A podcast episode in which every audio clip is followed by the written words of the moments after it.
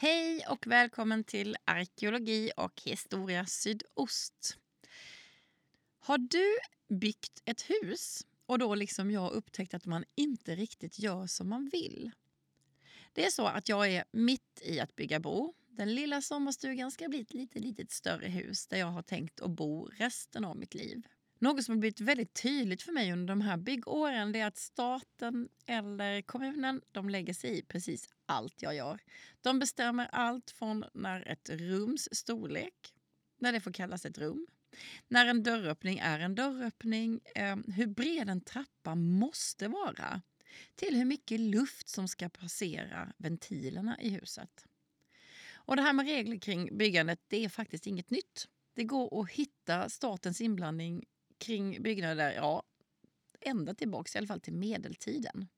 En som vet allt om detta är Ivar Vänster, bebyggelseantikvarie från Karlskrona. Och han och jag vi kommer göra en tidsresa i det här avsnittet där vi studerar hur staten, eller kronan, ja, eller överheten har lagt sig i hur medborgarna ska bygga sina hus.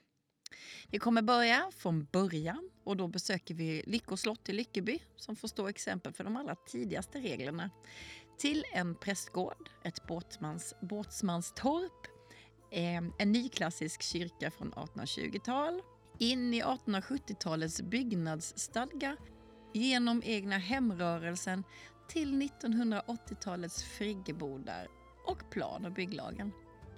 Som vanligt så görs podden i samarbete med Länsstyrelsen i Blekinge.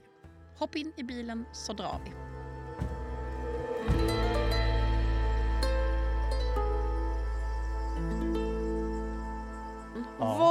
Är det vi ska göra idag? För så fort jag är med dig så tenderar det att bli ganska långa förlopp. Och men det ska vi inte göra idag. Vi ska, vi ska inte göra något långt. Mm. Vi ska vara eh, väldigt strukturerade. Vi ska ja. följa temat. Nu i det följer vi, ska... vi temat. Vad är temat? Då? Och temat idag är den där märkliga, eller märkliga och märkliga, men den situationen när staten eller kungen eller kronan eller vem det nu, hur man nu formulerar det, mm. eh, lägger sig i hur medborgarna eller befolkningen eller vad vi nu, allmogen eller så, hur de ska bygga sina hus. Ja. Jag bygger hus just nu. Ja. Herre Jesus. Eh, och staten lägger sig i allt. Allt. Och, och man ska betala för allt. Man ska betala för allt och det, man ska ha intyg på allt. Intyg på allt. Ja. ja. Och eh, hur hamnade vi där? Mm. Eh, och det där, det där har ju naturligtvis varierat över tid. Mm. På, men det är egentligen, man kan säga så här att staten har alltid, eller överheten om man nu väljer att kalla det så, har alltid lagt sig i. Uh, och det är, ty tycker jag, en väldigt intressant del. Men varför gjorde ja, man det? Varför? Och det har funnits många olika skäl. Mm. Eh, rättviseskäl och estetiska skäl och eh, möjligtvis också hur Sverige skulle uppfattas utomlands. Mm. Så det, de kan man, det kan man alltid. Men vi tänkte jag skulle visa för de är väldigt tydliga ute i landskapet. Mm.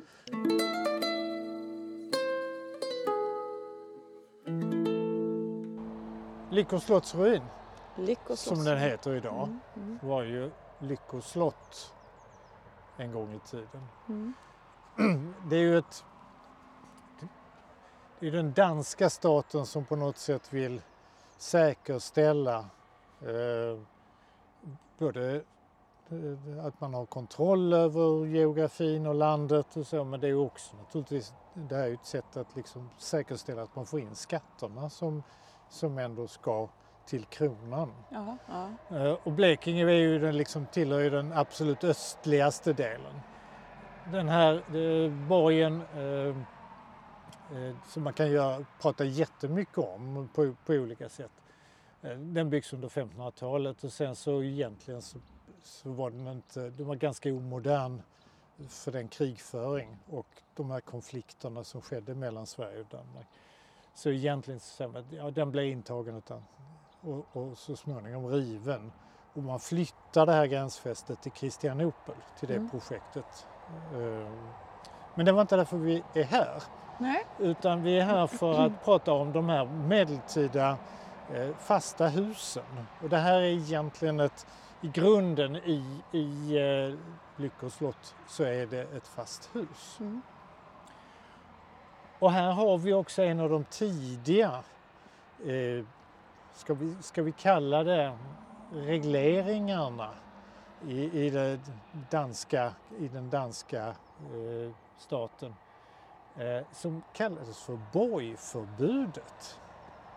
Borgförbudet. Ja, alltså borgförbudet det, det råder mellan 1396 och 1483.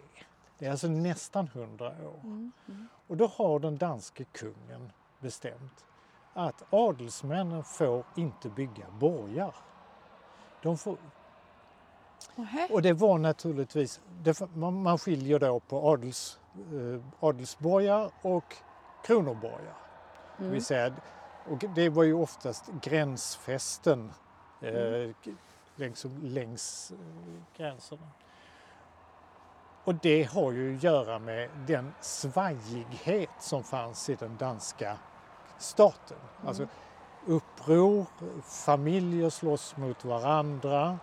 Eh, så funktionen som adelsmännen tilläts att liksom uppföra, det var inte en borg utan ett fast hus. Och ett fast hus, eller egentligen kan man säga det fasta huset blev en utveckling av det här borgförbudet. Eh, Men vad, vad är skillnaden? Eller vad var... Ja, det är ju att det inte är en befäst borg. Eh, alltså det, vi har ju Sölvesborgs slott Ja, till exempel. Ja, där har det, vi det- varit i podd med ja, podden. Ja, ja. och det är ju en sån här mått eh, och så, så är det ett kärntorn. Vi har ett Mm. kärntorn i Helsingborg och såna här Mm. saker. Mm. Det där är ju liksom eh, riktiga borgar och de har ju, det är ju inte bara själva tornet utan det Nej. är ju dessutom en massa eh, palissader och sådär. Mm. Och då ville man, alltså adelsmännen eh, eh, hade ju ett visst behov av att liksom förs- kunna förskansa sig mot den omgivande allmogen som regelbundet gjorde uppror.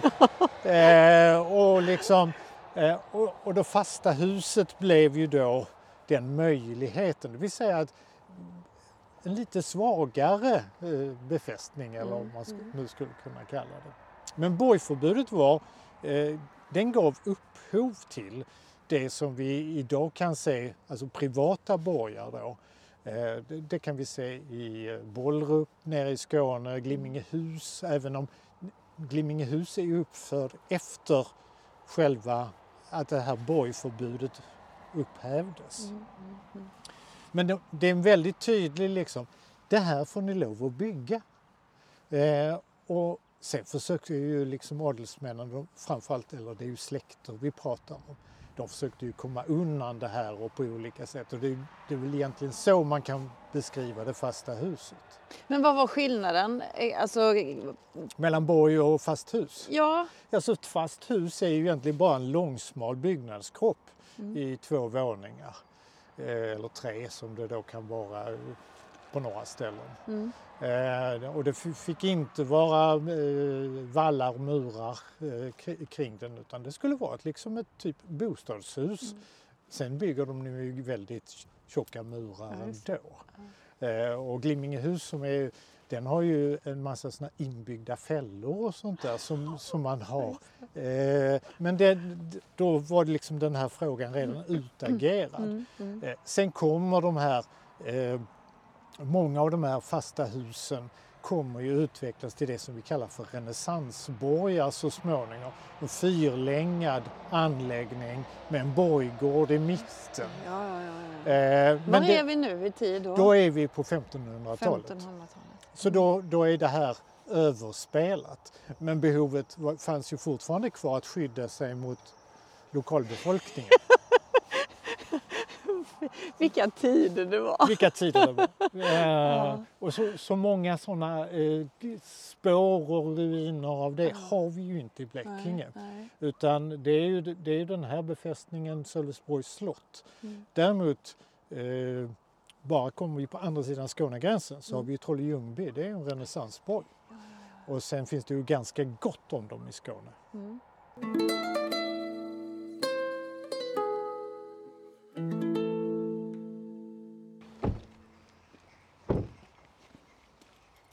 Du har tagit oss till En prästgård. en prästgård, ja. Och, och detta kanske är faktiskt något av de äldsta beläggen vi har. Mhm. Eh, finns några till med hur, eller hur makten reglerar hur prästerna ska bo. Nu, nu får vi tänka oss tillbaka alltså till, till tiden för landskapslagarna. 1300-tal egentligen, det är väl där någonstans vi är. Och då kan man ju tänka sig att alltså landskapslagar, nu har vi ingen landskapslag i Blekinge. Finns liksom bevarad i någon, någon större helhet. Men det, de ser, det ser ungefär likadant ut över eh, hela landet. Och i landskapslagarna så där definierar man eh, att hur en präst ska bo, det vill säga en församlingspräst. Och då är det inte hur huset skulle se ut, men antalet hus. För det, alltså att det skulle vara ett fähus och det skulle vara ett brygghus. Och så.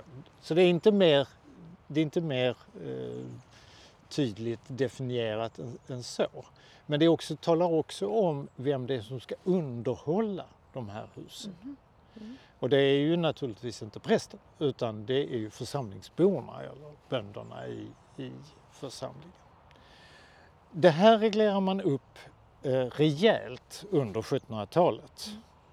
Eh, och framförallt det, det kommer kungliga förordningar, ganska många sådana. En tre, fyra stycken kommer i början på 1700-talet, 1730-talet. Eh, och då definierar man, en, precis som man hade gjort med soldattorpen eh, och båtsmanstorpen, så definierar man exakt hur lång en prästgård ska vara. Det var så. Ja, Det vet Och- jag inte däremot. och prästgårdarna skulle dessutom ha sexdelad plan. Eh, om vi nu tänker så, båtsmannen hade ett rum, en stuga. Mm. Så skulle prästen ha sex. Och En sexdelad plan det är, det är alltså egentligen två filer och så kanske det är en lite större sal i mitten då. Och sen så har man lite kabinett eller kamrar ute vid gavlarna och sådär. Men det är ju det man kallar en herrgårdsplan egentligen. Eh, och det där följdes ganska, eh, även om prästgårdarna på utsidan kunde se eh, ganska olika ut. Eh, det här, eh, i, den här idén med, med salsplanen eller den sexdelade planen och sånt där, det är någonting som kommer till Sverige från Frankrike. Ett ideal som kommer, och det är i huvudsak egentligen sent 1600-tal.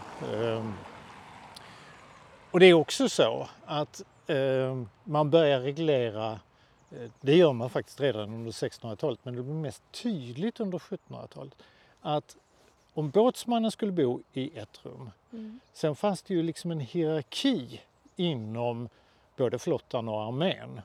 Och då innebar det att var man löjtnant, ja då kunde man ju inte bo i samma, samma bostad som... Så det där regleras för varje grad. Och prästgårdarna ligger i det systemet ungefär som en överstelöjtnant. Oj. Så det är, en- det är, översteboställarna var de allra största. De hade också sexdelad plan. Ehm, Men längre mått då eller? men lite större. Större? Ja. Ja. Ehm, Och det här med två våningar? Eh, två våningar, de är ju oftast inte i två våningar men de kan ju ha som det här fallet en frontispice, det vill säga att den, det är ju en inredd övervåning. Eh, och just i det här fallet så har man ju en sal eh, på andra våningen också. Har Och den här så- varit så hela tiden? Eller det kom- kan jag inte riktigt svara på. Eh, eh, för den, här, den har ju gam, väldigt gamla anor. Vi, vi ligger ju bredvid eh, en kyrka. Det är bara ett stenkast till kyrkan. Eh, och den kyrkan har ju medeltida anor. Så, eh, riktigt. Men det är mycket möjligt så att prästgårdsplatsen har varit densamma sedan medeltid. Men det är väl konstigt om man kör in eller kommer till någon by någonstans. Mm. Det är nästan, man kan nästan bara titta sig runt och det där måste vara prästgården. Precis. Det har varit alltid. De är, det är, liksom, jag vet inte, är det placeringen eller är det storleken? Det, eller? både placeringen, den ligger ju oftast i anslutning till kyrkan. Det är ju, man brukar prata om de där tre stycken komponenterna eh, i en by. Det är kyrkan, det är skolan och det är prästgården. Och det var ju samma egentligen administration till, till, till detta.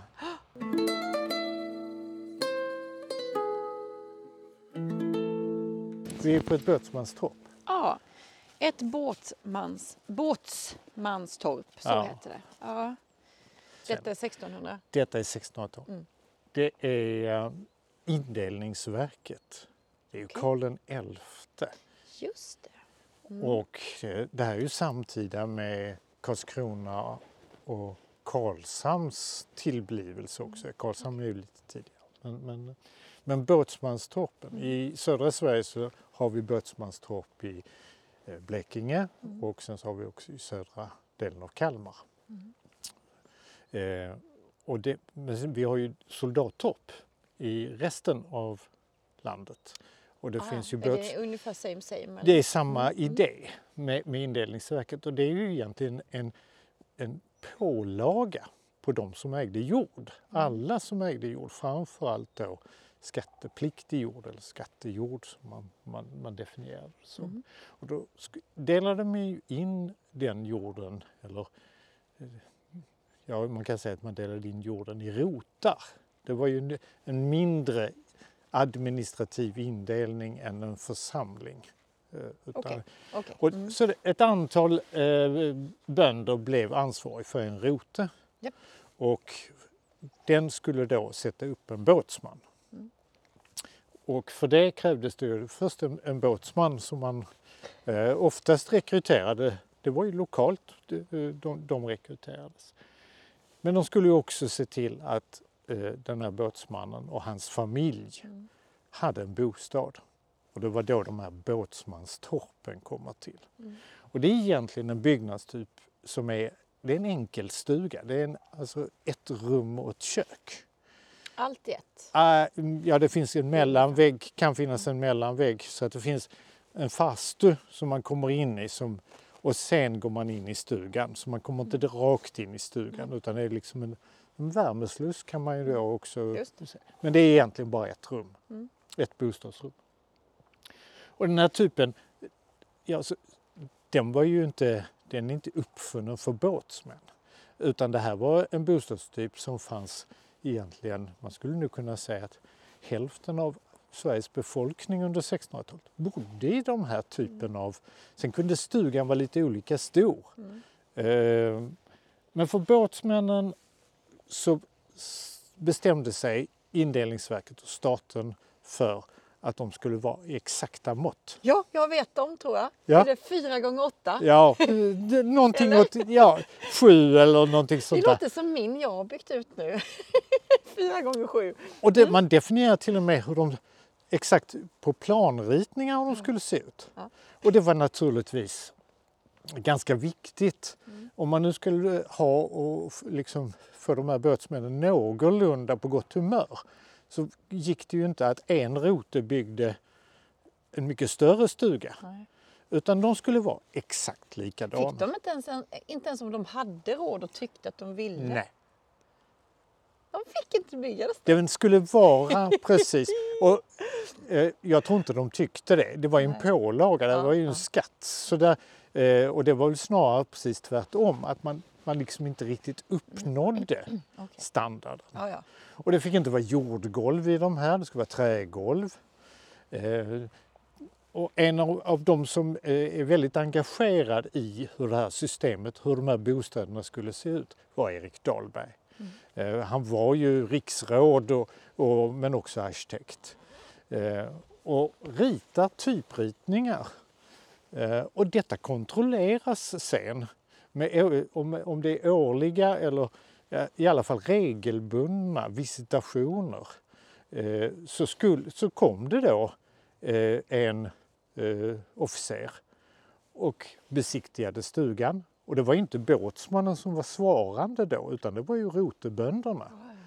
Eh, och då kunde ju också båtsmannen faktiskt säga att om det läcker här och så. För det var inte han som skulle sköta då Bönderna skulle se till att bostaden fanns där till dem.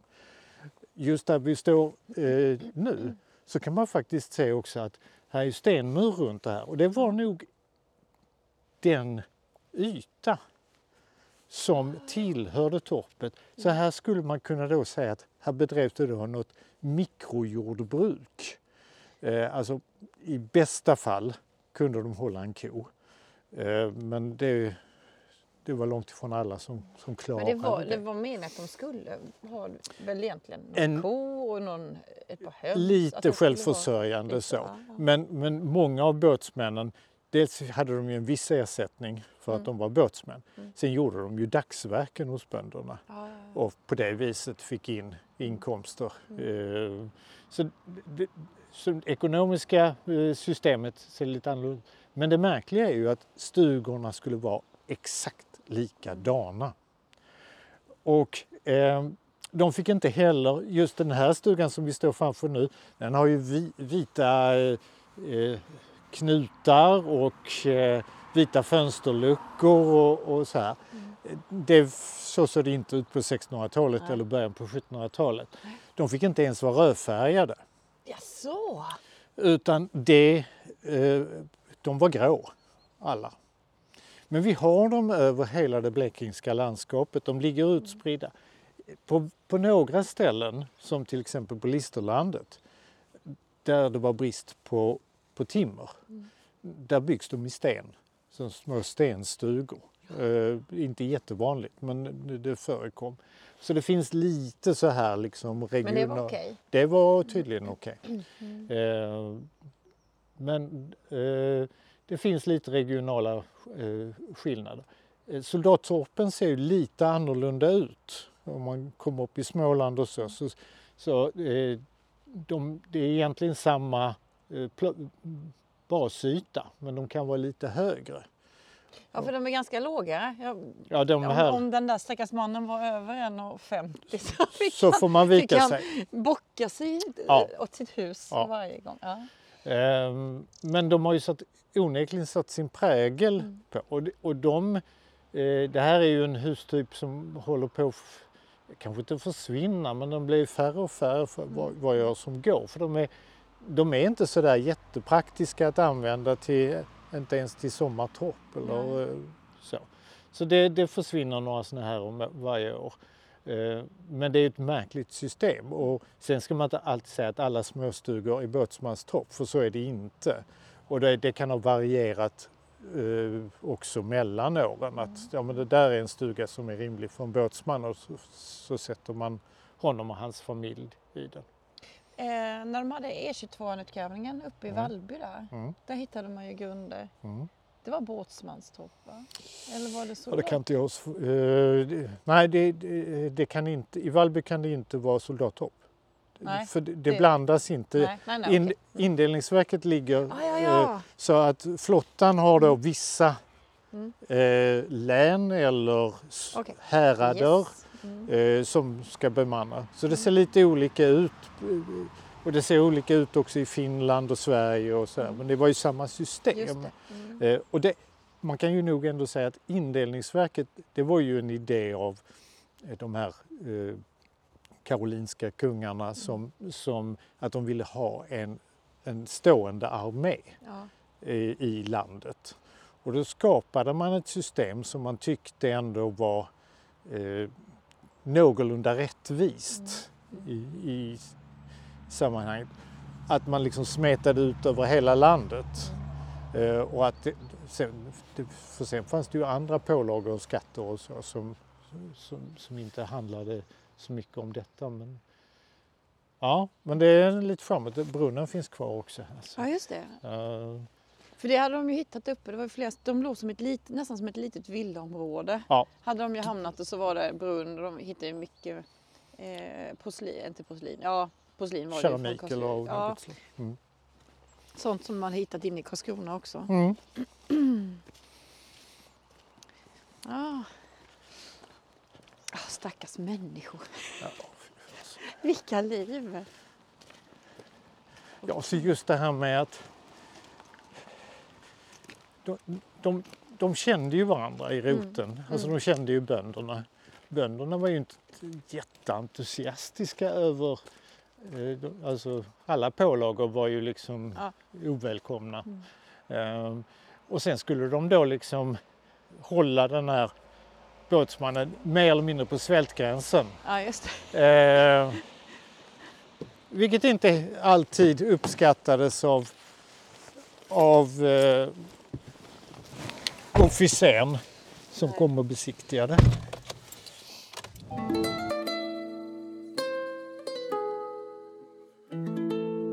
Tog oss till Lyckeby sådär lite eh, bara för vi körde förbi här och, och vi, nu är vi vid Lyckebyån, Ja. vid bron.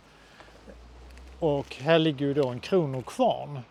Och det är Vad klart, är det för något? en kronokvarn det är en kvarn, en mjölkkvarn faktiskt som eh, ägs av kronan. Det är inte mer än så. Nej. Man pratar om kronobrännerier, eh, man pratar om kronokvarnar och eh, kronoskog är ju också så. Just det, det vill det säga, det är, men just den här kronokvarnen den kommer ju till i början på 1700-talet. Mm. Eh, för, och den här görs, byggs ju upp bara för flottans verksamhet. Det vill säga de varvsarbetare och, eh, och, och båtsmän och så. Alltså det är ju en del av, av hela försörjningen av Karlskrona. Mm. Det var inte egentligen därför vi stannade här. Eh, men en- en annan del av den här statens liksom ambition att föra ut ny arkitektur, ny estetik men också ny teknik har kopplat till den här. Och eh, det där var man väldigt, väldigt upptagen med eh, under 1700-talet. Vi pratar ju om upplysningstiden och såna här saker. Och det där var ju ganska komplext. Alltså visst, man kunde ju skriva böcker och göra ritningar och tala om liksom hur, liksom hur man sprider ut eh, eh, i, i någon slags ency- encyklopedisk idé, det vill säga att man skulle liksom skapa olika, man pratar om den franska encyklopedin, det är liksom ett jättestort bokverk. Men även i Sverige så pågår den här processen. Och kunskapen om att läsa ritningar, den var inte jättestor. Det, det var en ganska liten del av befolkningen som, som liksom mäktade med det där, att översätta liksom två dimensioner till tre. Mm. Så då inrättade man den kungliga modellkammaren på Kungliga slottet. Där man byggde upp, man hade alltså en modellbyggare som gjorde modeller av kvarnar och av Nej. Som, som fanns där uppe. Liksom. Och det var allmänt, det var, det var inte som eh, någon sån där att man skulle ta en, entré på museer och så. Nej, Den var allmänt öppen. Mm. Eh, så brukspatroner, eh, storbönder och så, de hade eh, kanske var på riksdagsmöten eller någonting sånt där. De kunde gå till den här modellkammaren och så såg de här fanns en mjölkvarn. Vad kul!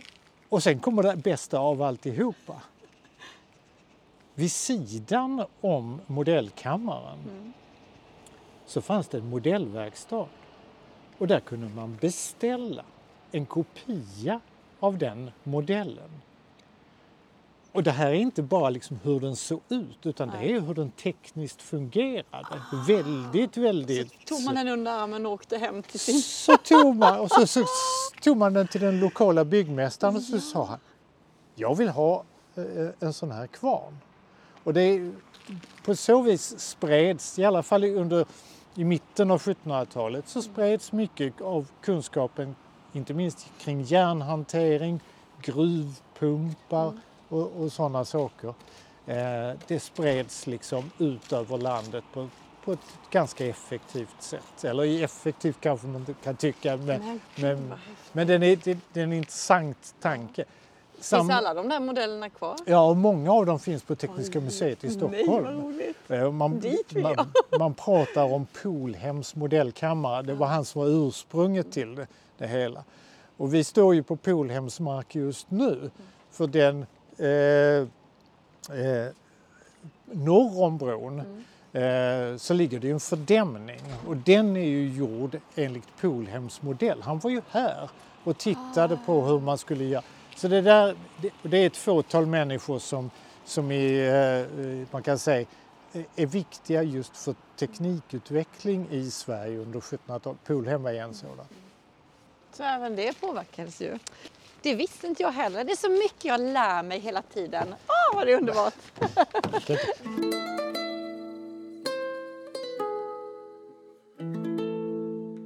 Ågerums kyrka. Och så tittar man på den här vita nyklassiska kyrkan. Den är, den är byggd eh, på 1820-talet i, i eh, nyklassisk stil. Alltså man, man, kan se de klassiska idealen. Det är, det, det är stickbå, eller det är liksom rundbågar över fönster och sådana saker. Det ska ju minnas om, om den romerska arkitekturen på olika sätt. Eh, under 1700 och 1800-talet, egentligen redan från slutet av 1600-talet, så inrättas ett särskilt ämbete i Sverige som heter överintendentämbetet. Och det var ofta arkitekter, de första som eh, hade den tjänsten var faktiskt Nicodemus Tessin den yngre. Mm. Och det inrättades liksom ett särskilt ämbete åt honom. Han höll på med Stockholms slott som hade brunnit ner då. Eh, men det här överintendentsämbetet de skulle godkänna församlingarnas alla förslag till kyrkor. Och oftast så sa de nej.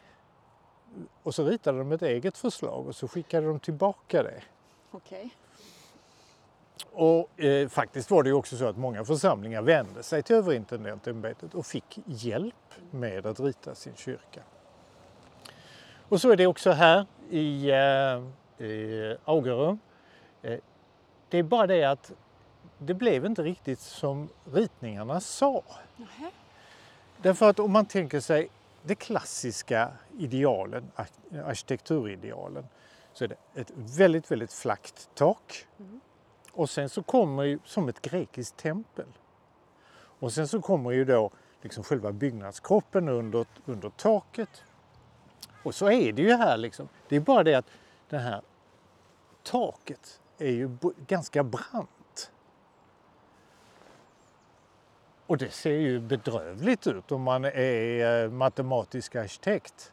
Ja, det, Eh. jag tycker det är jätte, jag tycker det är fint. Eh, utan, eh, det här är ju egentligen nästan ett barockt tak på en nyklassisk kyrka. Eh, och då var det så här att överintendentsämbetet, skönandarna som satt, de satt ju faktiskt på Stockholms slott mer eller mindre, eh, de ville ju naturligtvis sprida den nyklassiska arkitekturen. Det var ju tidens liksom, det var ju, det var ju modernt. Och så skickade de ut de här ritningarna och så, så började då den lokala byggmästaren att liksom titta på de här ritningarna och sa Ja men de, det här taket kräver ju plåtar för att få tätt. Och plåtar, järnplåt i det här fallet, inte kopparplåt som det ligger idag, men, men järnplåtar det kommer ju fördyra kyrkobygget med kanske 20 eller 30 procent. Så det stryker vi. Men de material som fanns tillgängliga då, de var inte lämpliga för den här takvinkeln. Så alltså höjde man taket på eget bevåg. Ja. Och det här är ganska vanligt. Vi har, I Blekinge har vi fem, sex kyrkor som har det här fenomenet att man har rest upp taken. Och det är klart att för de här konduktörerna eller överintendenten som satt på den här myndigheten, de fick ju mer eller mindre en chock när de verkligen såg det här i verkligheten. För det här, De gjorde det utan att säga något? Ja. Eller? eller, det, det, det, man, man kanske sa det och så sa man så här, vi har inte råd till det här. Eh, vi har inte råd att lägga järnplåt eller kopparplåts eh, tak på dem. Så eh, Augerum har den här eh, förhöjda tak, eh, för, det här förhöjda taket. Jämjö har det här förhöjda taket. Eringsboda kyrka har det. Så det finns på rätt många ställen. Och det är inte enbart i Blekinge utan det här, det här kan man se över hela landet. Men det visar lite grann på den där spänningen emellan, eh, det handlar ju naturligtvis om ekonomi, Men det handlar ju också om att ja, men så viktigt är det väl inte ändå.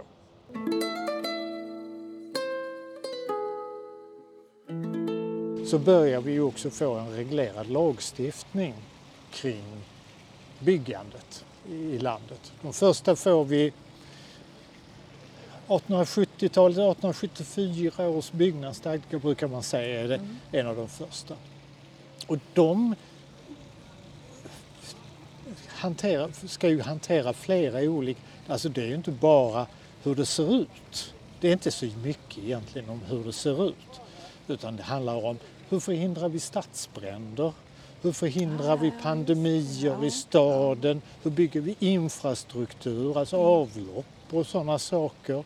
Eh, och den är ju då mer egentligen riktad till städer och så småningom också kommuner i, i sammanhanget. För stadsbränder var ju det stora gisslet egentligen. Men fanns det något sånt tänk överhuvudtaget tidigare?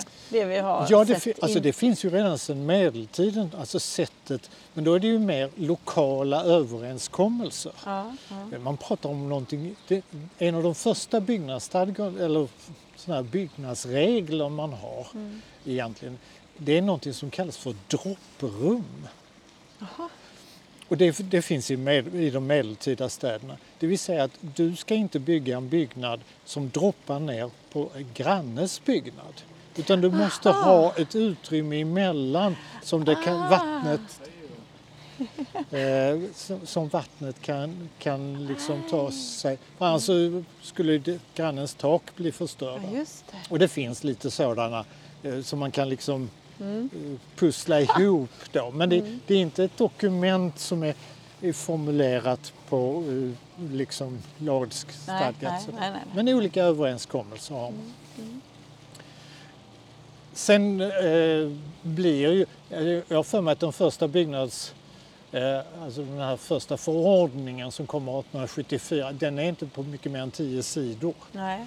Och sen har det ju här växt och växt och, och idag så har man kan säga att det är ursprunget till den, den lag vi har idag som heter plan och bygglagen.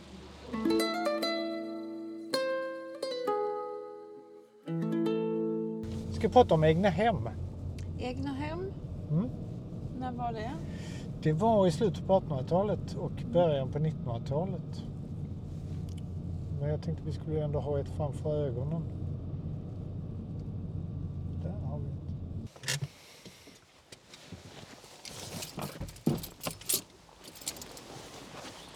Vad är det här?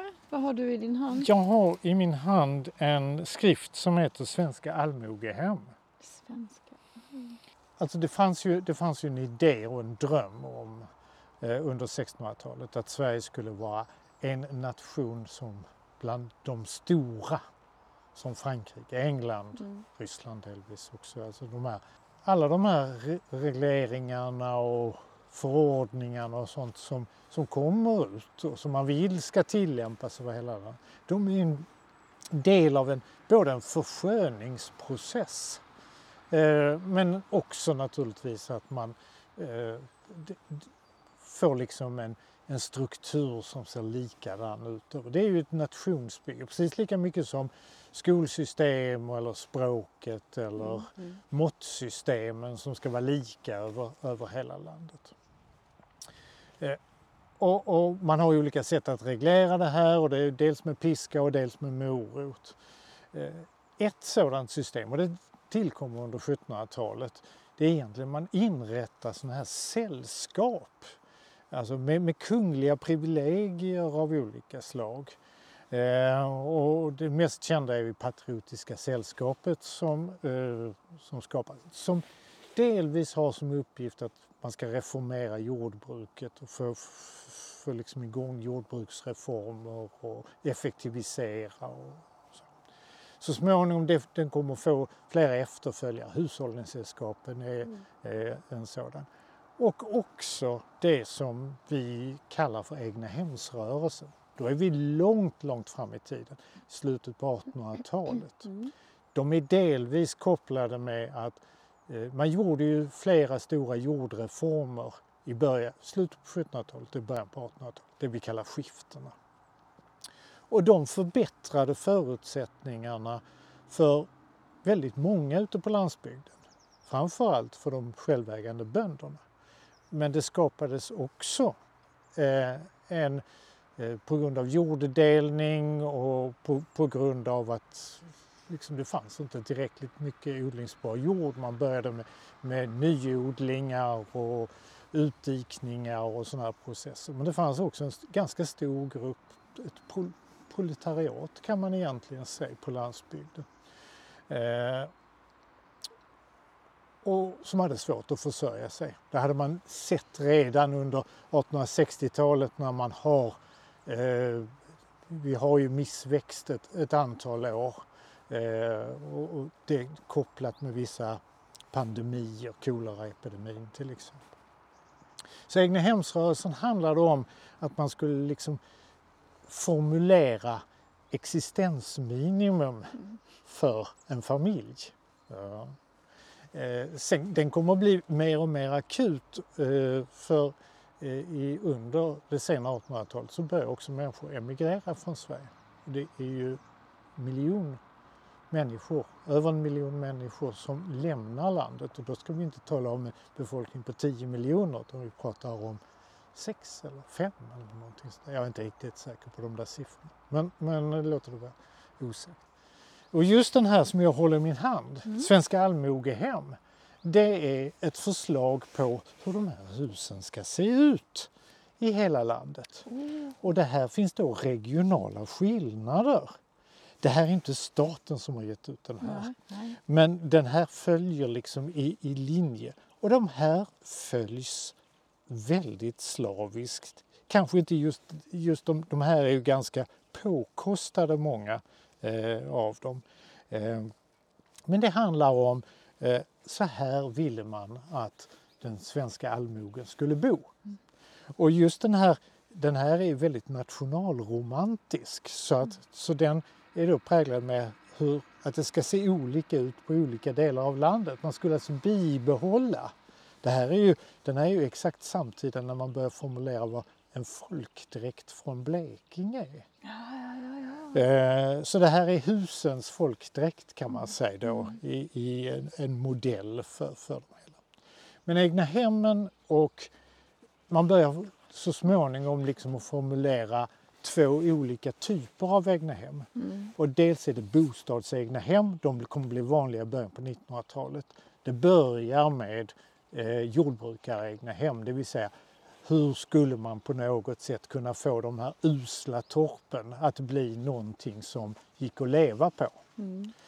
Eh, och det handlar ju om att eh, det är ett man reglerar det här egentligen med ett lånesystem.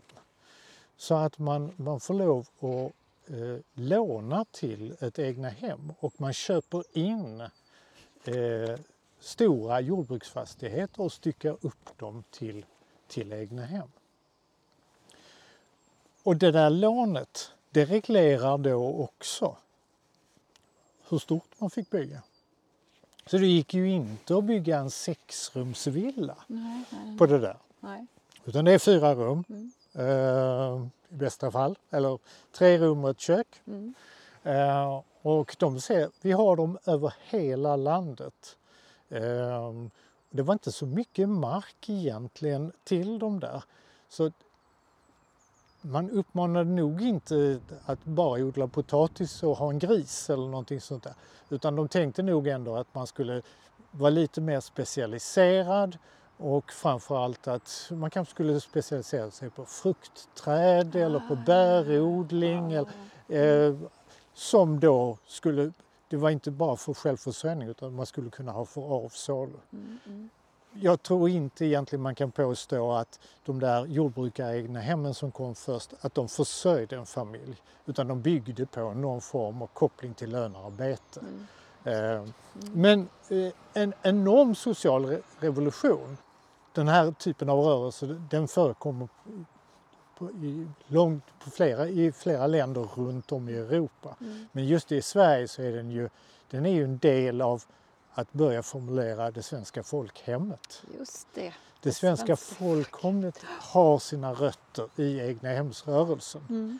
Den har paralleller med kolonirörelsen som sker i alla städer. Det är samma tid. Ja, ja. Och de, många av dem kommer ju bli någon slags anti-emigrationsrörelse också. Det vill säga att vi ska skapa förutsättningar för den befolkning som finns här, här hemma och inte skicka dem till Amerika.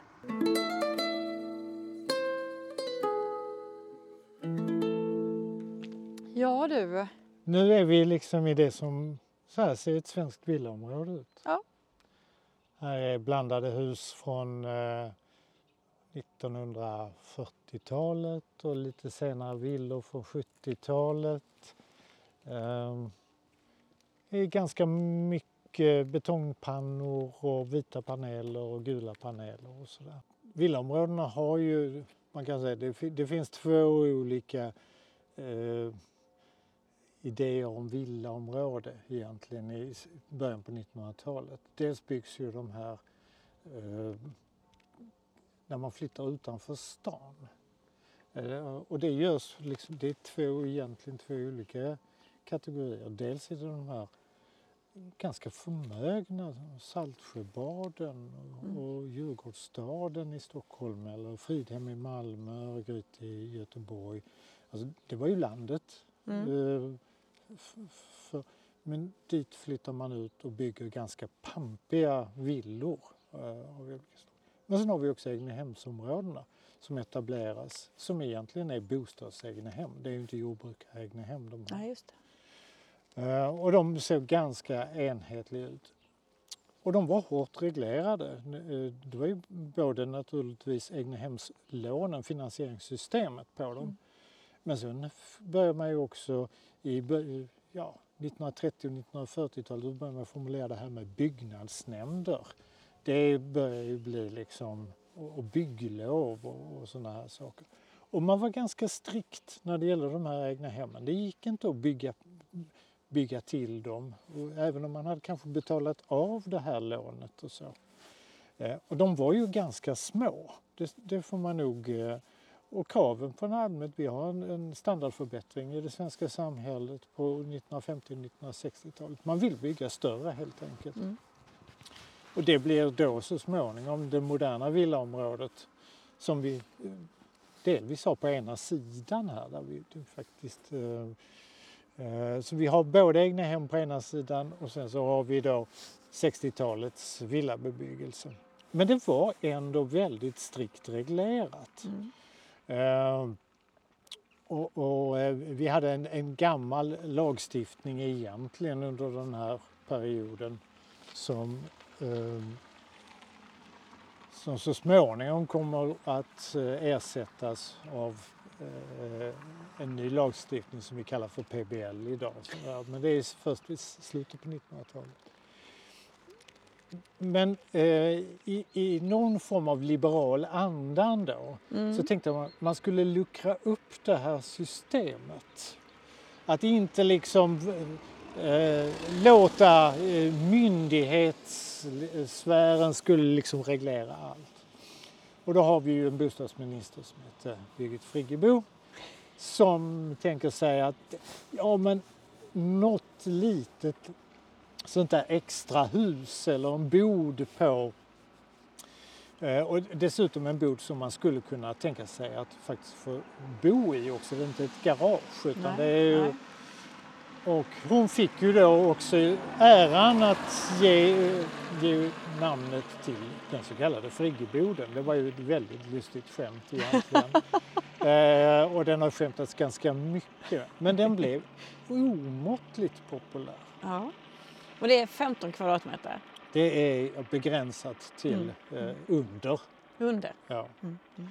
Ehm, och sen så småningom så har det ju faktiskt kommit ytterligare en variant av det här med atterfallaren som då är lite det. större. Ja, vi behöver ju större och större. Eh, är så. Ja, vi har fler och fler prylar som Ja. vi ska härbärgera på, på, på olika Mm. sätt. Eh, och man, man kan ju tycka att det, det är en marginell liksom förändring för, för den enskilde. eh, att man får bygga en liten bod. Men, men eh, vi hade en tid när vi genomreglerade allt vad boende hette. Mm. Och det är ju inte bara då på kommunal nivå utan det är också på nationell nivå. Eh, och plan och bygglagen ger ju, som, som den är utformad idag, så är det ju i princip så att det är ju inte bara hur det ser ut utan också tekniskt hur, hur eh, en byggnad är konstruerad. Mm. är väldigt dereglerat ner i centimeter och millimeter Mm. Mm. på, inom vissa områden. Och sen kan man nog också påstå direkt att det har varit jättebra. Tillgänglighetsanpassning av eh, offentliga byggnader är väl naturligtvis en, en jättebra tanke. Och, eller att eh, byggnader inte ligger och förstör för, för grannen. Eh, vilket är naturligtvis också, det är ju ett sätt att liksom hålla, hålla sämja Mm. eh, i sammanhanget. Men friggeboden är ju, eh, och den är vi nog tämligen ensamma om i världen att ha. Men den är säkert bra. Den är säkert jättebra. Den har fyllt många funktioner. Alltså nu märker man ju verkligen hur det har eh, påverkat. Alltså det, det på många sätt. Alltså det, i den här, den här normaliteten kring byggandet Mm. så är det ju också väldigt mycket in, liksom inbyggt i det här. Du ska veta vem du är Mm. och din plats. Ja.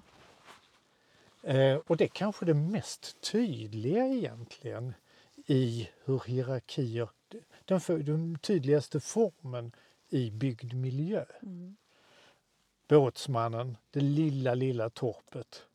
Och han fick inte, bygga, han fick inte ens förlänga liksom stugan, Nej. även om rotebönderna kanske skulle vilja det. Mm. Det var fixerat in i liksom kvadratmeter. Mm. Eh, prästernas, alltså den fick inte vara längre än 18,3 meter. Eh, för att inte det skulle bilda osämja mellan olika socknar och olika präster. Sen fanns det ju många som naturligtvis fuskade i det här systemet.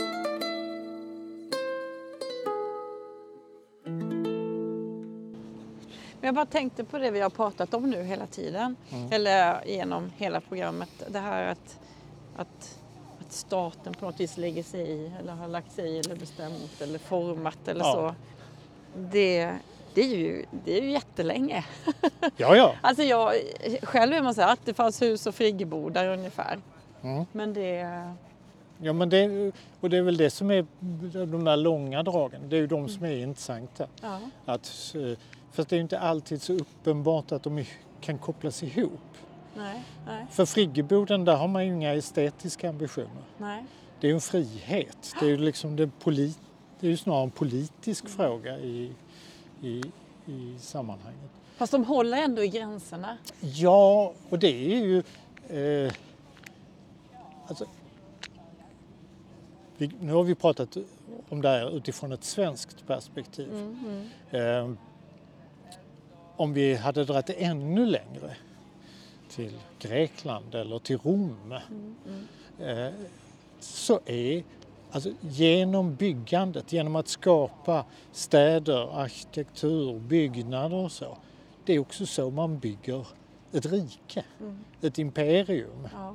Eh, Det är ett, kanske ett av de viktigaste ma- maktmedlen. Det är bestående mer än en generation. Vi står ju vid Karlskronas torg. Det är väl kanske det Sveriges bästa exempel på där staten har liksom en, en ambition av att bygga någonting som inte var det här gamla medeltida, eh, låga, gråa Sverige. Eh, Så det är ju en del också i, i, med, med två stora gigantiska kyrkor, ett jättestort rådhus och framförallt en stor torgyta. Eh, Det är ju liksom ett, eh, ett, eh, ett jättebra exempel på just, som vi, vi kallar det ju för de anlagda städerna i Sverige som är en byggnadsperiod på närmare 100 år.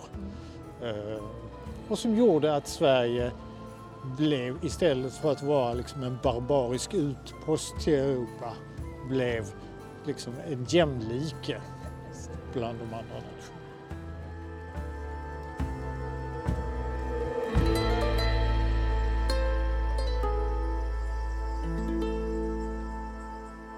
Där hörde ni Ivar Vänster från Ankdamm konsult som tog oss med på den, ja, ganska långa resan genom vår lands bygghistoria. Vill ni höra fler avsnitt med Ivar eh, så har han varit med i lite olika, eh, bland annat en rad kyrkor.